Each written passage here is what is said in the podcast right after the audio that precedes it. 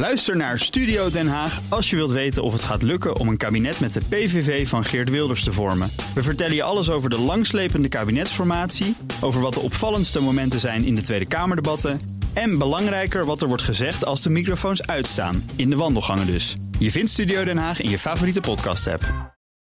Vijf over half vijf is het goedemiddag. Verreweg de meeste middelbare scholen zijn vandaag weer volledig open gegaan.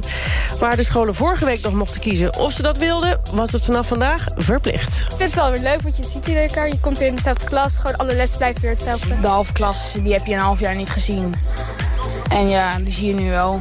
Ik vind het niet heel verstandig eigenlijk persoonlijk. Want straks worden er weer kinderen besmet, moet je weer naar huis... en dan kan je niks in de vakantie doen. Ja, wisselende reacties dus bij de scholieren in deze jeugdjournaalreportage.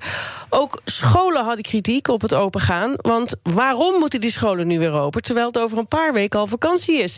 En hebben die scholen niet genoeg doorgemaakt dit jaar? Daar praten we over met Erik van Hetzelfde... rector van College de Brink in Laren... en ook presentator van het programma Dream School. Een heel goedemiddag. Goedemiddag. Nou, het is bijna vakantie, volgens mij nog vijf weken. Kijk je er naar uit? Ja, ik kijk er heel erg naar uit. Ja? Ja, het is een zwaar jaar geweest. Uh, met veel variabelen. Vaak je beleid bijstellen of veranderen. Veel nieuwe roosters. Uh, let op je collega's, let op je leerlingen. Uh, het is best wel een pittig jaar geweest. Wat was het zwaarste? Uh, ik denk dat het zwaarste is geweest dat je constant uh, op de dinsdagavond na een toespraak van de minister weer je beleid kon bijstellen op school. Met een nieuwe rooster. Uh, daarna weer uh, docenten inspireren. iedere wijziging nodigt reacties vanuit ouders uit. Sommige positief, sommige, sommige minder positief. Ja. ja, dan moet je overal op ingaan natuurlijk. Ik, ik heb het niet op een rijtje. Ik heb wel alle persconferenties gedaan hoor, hier live bij, uh, bij BNR. Maar ik heb niet op een rijtje hoe vaak het beleid is veranderd voor scholen. Hoe vaak was er sprake van? Heb je het bijgehouden?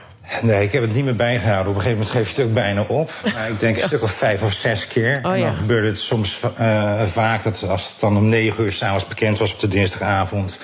Dat je toch s'avonds nog je directie bij elkaar riep. En dat je uh, ging vergaderen van ja, wat betekent dit nu weer voor ons? Ja, bij een volgende pandemie zou je nu al kunnen zeggen... Uh, dit moeten ze anders doen en wel zo?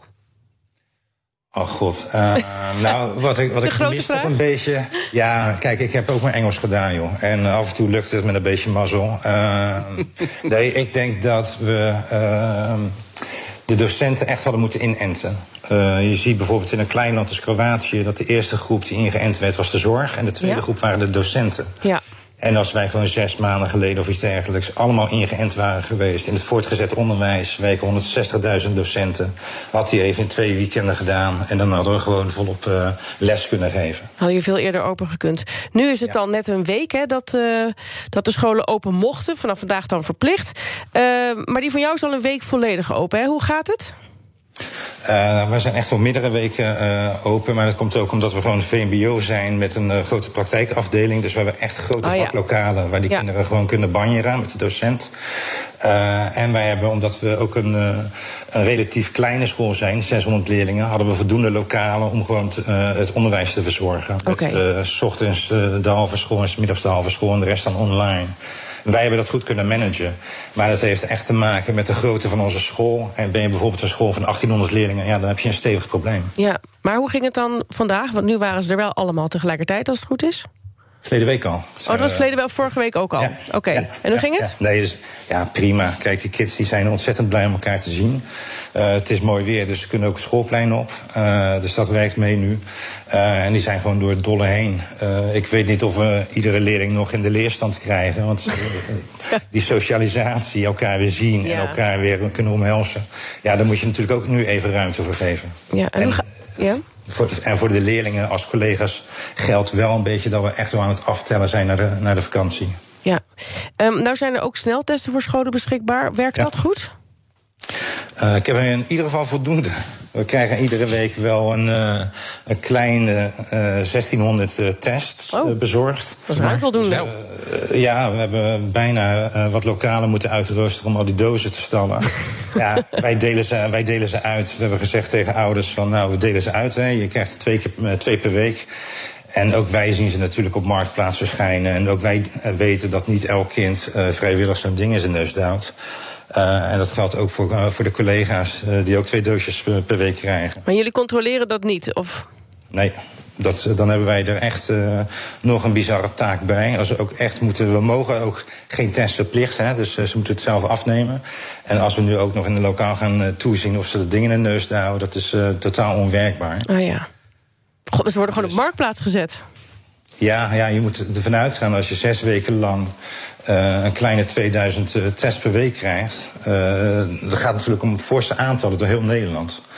En ik heb in het begin ook even gekeken op Marktplaats van hoe snel gaat dat. Nou, je ziet dat het vanaf verleden week wel een beetje de, de handel is op Marktplaats natuurlijk. Hebben wij begrepen dat niet alle scholen nou echt zaten te wachten op deze verplichte opening. Sommigen wilden bijvoorbeeld wachten tot na de zomervakantie. Snap jij dat?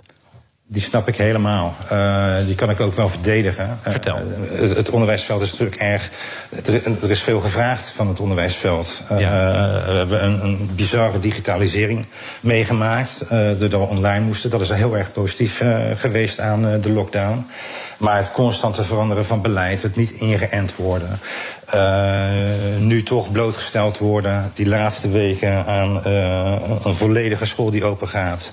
Wij hebben natuurlijk ontzettend kleine klassen in het, in het Nederlandse onderwijssysteem, waar 32 leerlingen zitten. Ik begrijp dat die docenten en moe zijn en, en bang zijn. Ja, kortom, als het uh, als we zeg maar aan deze onderwijsexpert hadden gevraagd, Erik van hetzelfde. Uh, ja. Wat had je dan tegen uh, de minister van Onderwijs gezegd: wacht gewoon tot uh, eind augustus. Dan gaan we gewoon weer volledig open. Nee, dan had ik echt wel een maand of vijf geleden willen zeggen, zoals uh, al is gebeurd. Hè? Want, uh, want heel veel docenten hebben dit geschreeuwd in Nederland. Van joh, end ons nou in. Vaccineer ons, ja. ja, precies. Maar, maar, maar, wat, wat, wat en dan nu? doen wij de rest. En, en nu? Ik bedoel, maakt het dan nu uit wat iedereen zegt? Ja, maar joh, jongens, de achterstanden die van de leerlingen die zijn zo groot. Ja. Dat hoor ik op de persconferentie. Klopt dat niet? Ja, nee, kijk, dat, dat, dat, daar krijg ik er zo echt kromme tenen van. Uh, daar moet ik ook voor waken dat ik niet boos word nu. Die, nou, achterstanden, die, zijn al die achterstanden zijn al twintig jaar vakkundig opgebouwd. Dus die achterstanden die de jeugd heeft, dat komt niet door corona of beperkt door corona.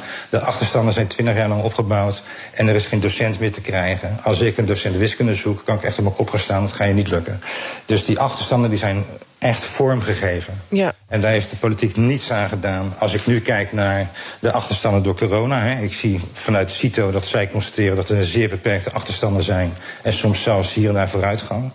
En op onze eigen locatie hebben we gekeken naar de cijfers. En beperkte schalen zich maar tot twee vakken, Nederlands en wiskunde. En dat zijn van oudsher de vakken waar al achterstanden zijn. Je luistert naar BNR in de middag. We praten met Erik van hetzelfde, schoolrector en televisiepresentator.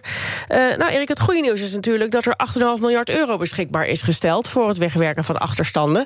Ja, en dan zou ik zeggen, als. Uh, als schooldirecteur, maakt mij niet uit uh, waar die achterstanden zijn opgelopen, krijg het geld.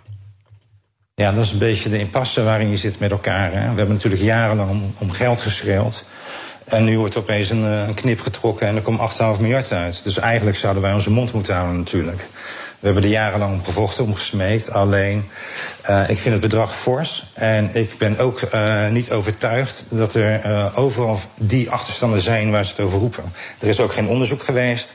Ze, er liggen geen rapporten voor ons klaar van... joh, deze achterstanden zijn er door heel Nederland. En ik krijg steeds meer terug vanuit schoolleiders... van nou, het valt eigenlijk wel mee met de achterstand. Oké, okay, maar ik dacht dat het idee was dat het ministerie heeft gevraagd... aan allerlei uh, deskundigen, uh, ook docenten... kom met ideeën hoe dit geld het beste te besteden. Daar hebben ze vervolgens een soort menu van gemaakt... en daar kunnen de scholen dan weer uit kiezen. Dus het is niet dat er niet is gesproken met de scholen... over wat nou wenselijk is. Nee joh, zo is het helemaal niet gegaan joh. We hebben 100 jaar op die menukaart uh, gewacht. En uh, er staan gewoon vier verschillende soorten hamburgers op of zoiets. Er is maar één iets dat echt helpt tegen achterstanden. Dat is goede docenten. Uh, en voldoende docenten. En ze zijn er allebei niet. Nee. En daar is structureel geld voor nodig. Nou ja, ik krijg ongeveer vier ton met mijn school. En daar zou ik eigenlijk natuurlijk een bataljon docenten voor willen halen. Uh, maar die docenten zijn er niet. Dus dan, dan begint al gelijk te vragen: ja, wat ga je met je geld doen? Mm -hmm. Ja, en dat, dat, dat zijn toch wel lastige antwoorden. Veel scholen uh, huren bedrijfjes in, hè, uh, bijspijkerbedrijfjes. Ja.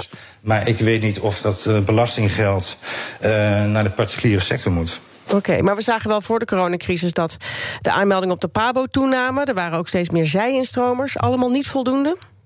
Nee, nee, nee, nee. Zeer zeker voor het VO niet. Uh, dat is echt wel een. Uh, daar is een deltaplan voor nodig om dit recht te breiden. Maar dat weet het ministerie en het departement. Ze weten het al jaren. Er zijn door grote jongens echt rapporten geschreven. Rino Kan, et cetera. Echt ja. slimme jongens van ons uh, land. Ja, en er wordt niet naar gehandeld. Nou ja, er is weer een formatie gaande, dus wie weet, een mens mag hopen. Um, Erik, laatste vraag. Waar ga je naartoe op vakantie?